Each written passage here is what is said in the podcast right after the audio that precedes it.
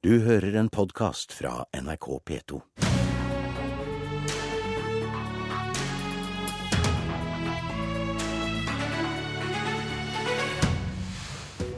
Velkommen til Politisk kvarter, forsvarsminister Ine Eriksen Søreide. Er du enig med president Obama i at IS må knuses? Det som eh, vi har mottatt nå av forespørsler, baserer seg på at Sikkerhetsrådet etter Paris-terroren vedtok en resolusjon om at eh, alle land må se om de kan bidra mer langs hele spekteret av både økonomiske og politiske virkemidler, og også militære. Det er ingen tvil om at ISIL representerer en av vår tids aller største utfordringer.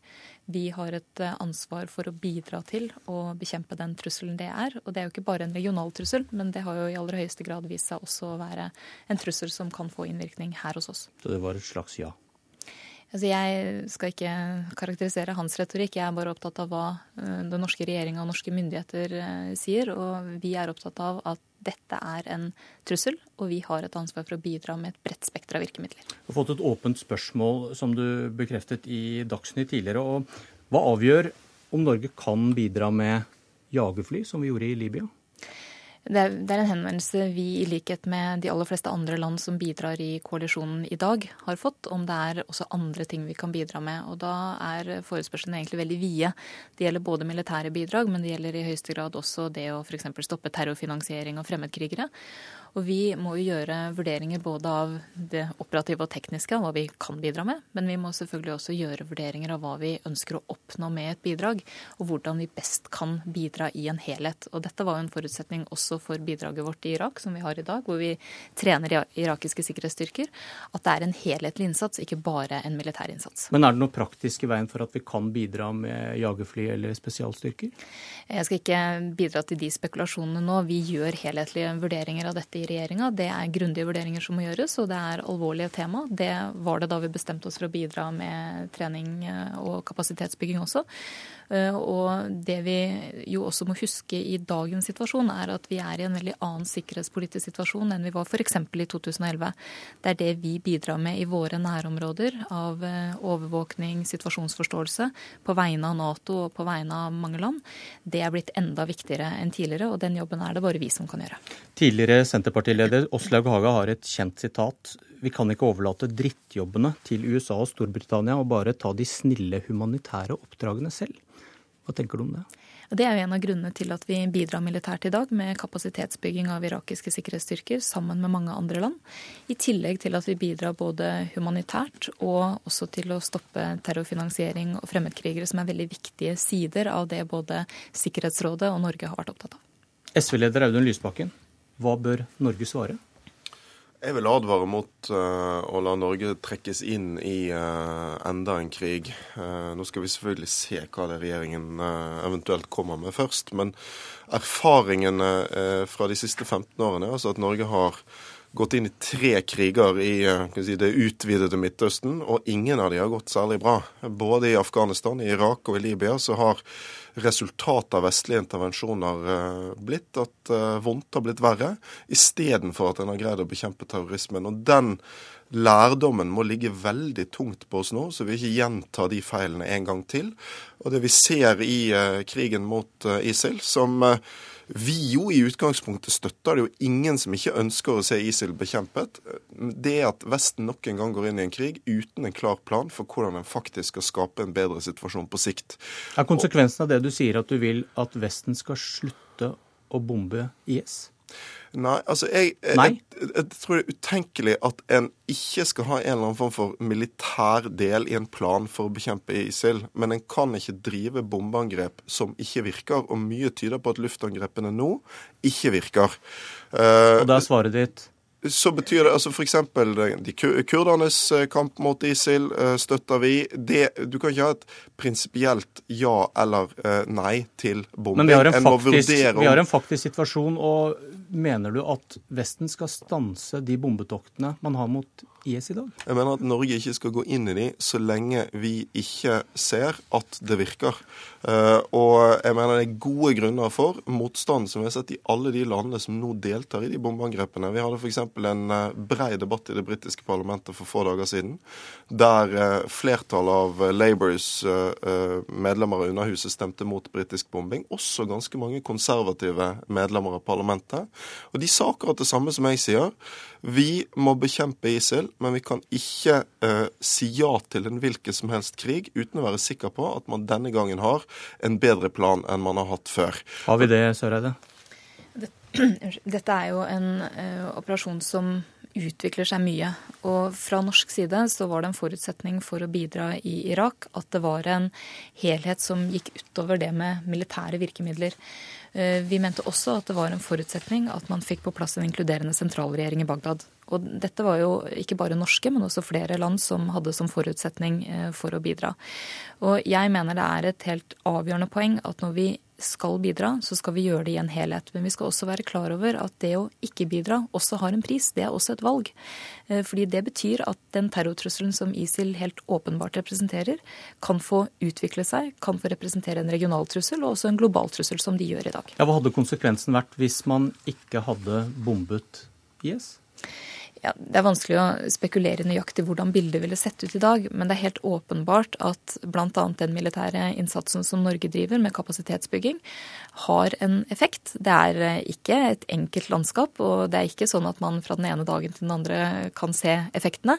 Men vi får positive tilbakemeldinger på den innsatsen vi gjør, fordi vi ønsker å sette irakiske sikkerhetsstyrker i stand til å håndtere den trusselen ISIL representerer regionalt. Hvordan vil SV bekjempe IS? Så det er nettopp svaret på ditt forrige spørsmål vi ikke vet. Altså, Hva er faktisk resultatet av den krigføringen vi nå ser? For det kan jo like gjerne bli økt sunnimuslimsk støtte til ekstremistene, eh, og det kan bli mer ekstremisme. Eh, og det vi i hvert fall ikke skal gjøre, det er å gå inn i krigshandlinger som virker mot sin hensikt. Vi er ikke prinsipielt imot å bruke militærmakt, men vi er bare for å bruke det hvis vi er overbevist om at det er klokt. Så lenge mye tyder på at denne krigen føres på en måte som ikke er klok, så bør Norge konsentrere seg om de tingene vi tross alt vet virker bidra til den politiske prosessen som kan få flest mulig av partene i konflikten i Syria til å snakke sammen. Det er nok forutsetninger for å få en syrisk effektiv militær innsats mot ISIL over tid gjøre det som Vesten utrolig nok ikke har gjort godt nok ennå. Kvele oljehandelen til ISIL. De får nå inn store mengder penger fortsatt til å finansiere terroren sin.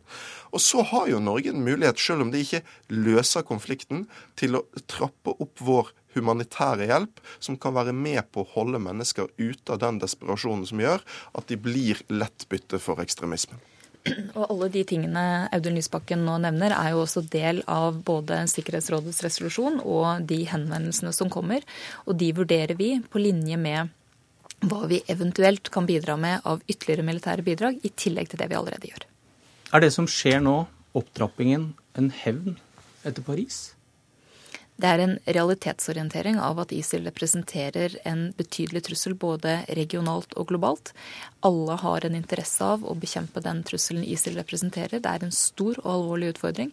Og det at Sikkerhetsrådet samler seg om en resolusjon som ber alle land om å bidra mer, det er et ganske viktig tegn i den sammenhengen. Eh, vi husker debatten etter Libya og da vi var med å bombe der. Lysbakken, eh, kort til slutt. Hvordan bør denne saken håndteres nå, før man tar en avgjørelse? Ja, vi er veldig opptatt av at vi får åpen debatt om dette i Stortinget. Norsk krigsdeltakelse er et så alvorlig spørsmål at det bør diskuteres åpent og bredt i Stortinget. Hvis det blir aktuelt å komme med et bidrag, så kommer vi til å foreslå det. Jeg syns vi bør ha den debatten som var i Storbritannia forrige uke som eh, et eksempel. Da fikk befolkningen se argumentene for og imot i en åpen og demokratisk debatt. Eh, det håper jeg at regjeringen vil legge opp til hvis det blir aktuelt å, å være med på dette. Takk.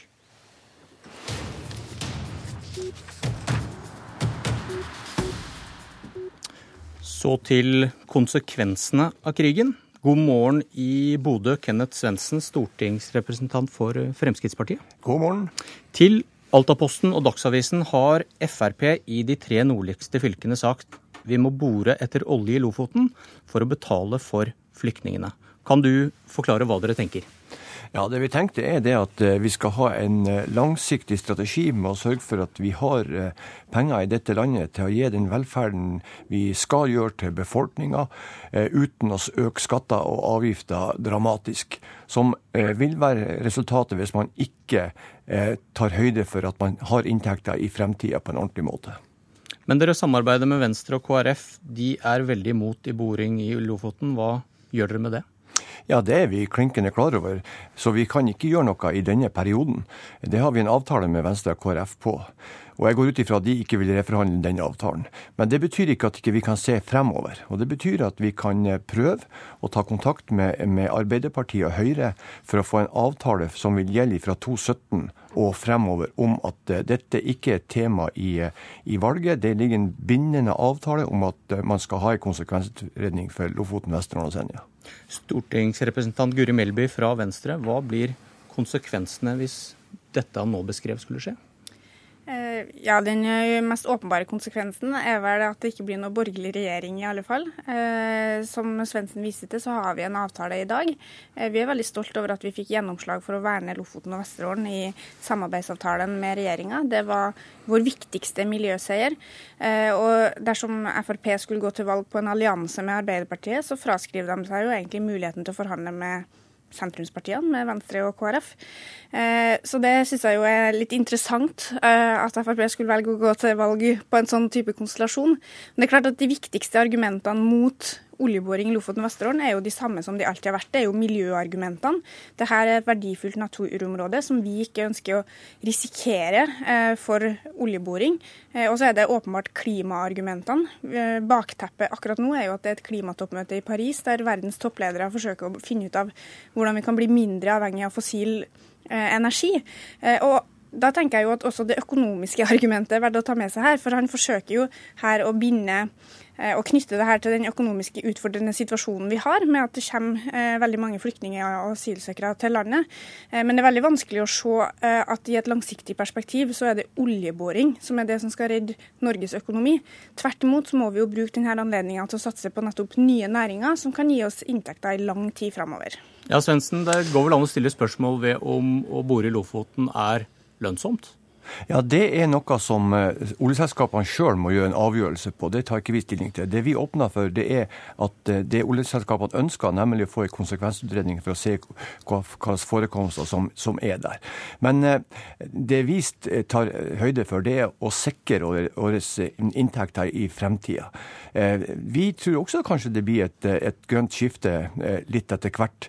Men foreløpig så er det grønne skiftet subsidiering av grønn industri. Og for å gjøre det, så må vi vi altså ha inntekter fremover. Eh, og når vi har så mange som kommer inn til dette landet, så vil det svekke økonomien i fremtida. Alternativet er å øke skatter og avgifter til folk flest, eller til å gjøre et dårligere velferdstilbud. Noe vi ikke er med på. Hva tenker du om det Melby sa først her, om at eh, hvis dere gjør det du sier, går til Arbeiderpartiet, så blir det ikke noe borgerlig regjering? Ja, jeg syns jo det er ei direkte udemokratisk innstilling disse partiene har. For det er da eh, partier på miljøsida som ligger på ca. 10-11 med Miljøpartiet, SV eh, og Venstre. Og eh, at de skal blokkere et stort flertall på Stortinget, er direkte udemokratisk. Så Derfor så mener jeg at bør, de partiene som ønsker olje og, og eh, konsekvensgreiene på olje og gass, eh, de bør samle seg og gjøre en binding. Det, betyr, det betyr jo i realiteten, hvis det, eh, hvis det hun sier er rett, da vil det ikke være, vil det ikke være bindinger Da vil det ikke kunne være ei sosialistisk regjering og ikke ei borgerlig regjering. For SV vil da ikke gå inn i regjering, og Venstre vil ikke gå i regjering tror det er en uholdbar situasjon. For det første så tror jeg den saken her viser det som er kanskje FrPs svakeste side, nemlig en manglende evne til å prioritere, og at den eneste måten vi kan finansiere framtidige velferdsutfordringer på, er å øke inntektene.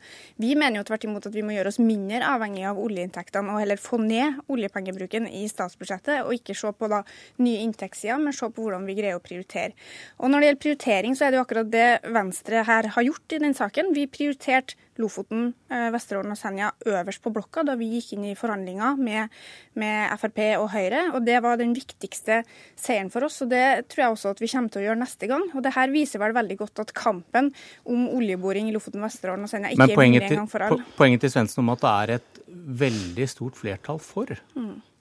og det er udemokratisk at dere små blokkerer. Eh, ja, det der argumentet blir vi jo ofte møtt med. Eh, jeg tenker jo at eh, for hvert politisk parti så handler det om å bruke sin forhandlingskraft på de sakene som vi mener er viktigst.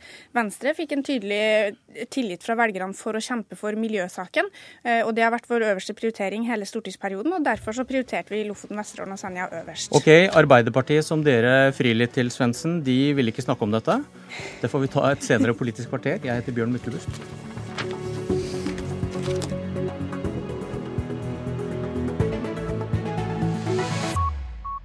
Du har hørt en podkast fra NRK P2.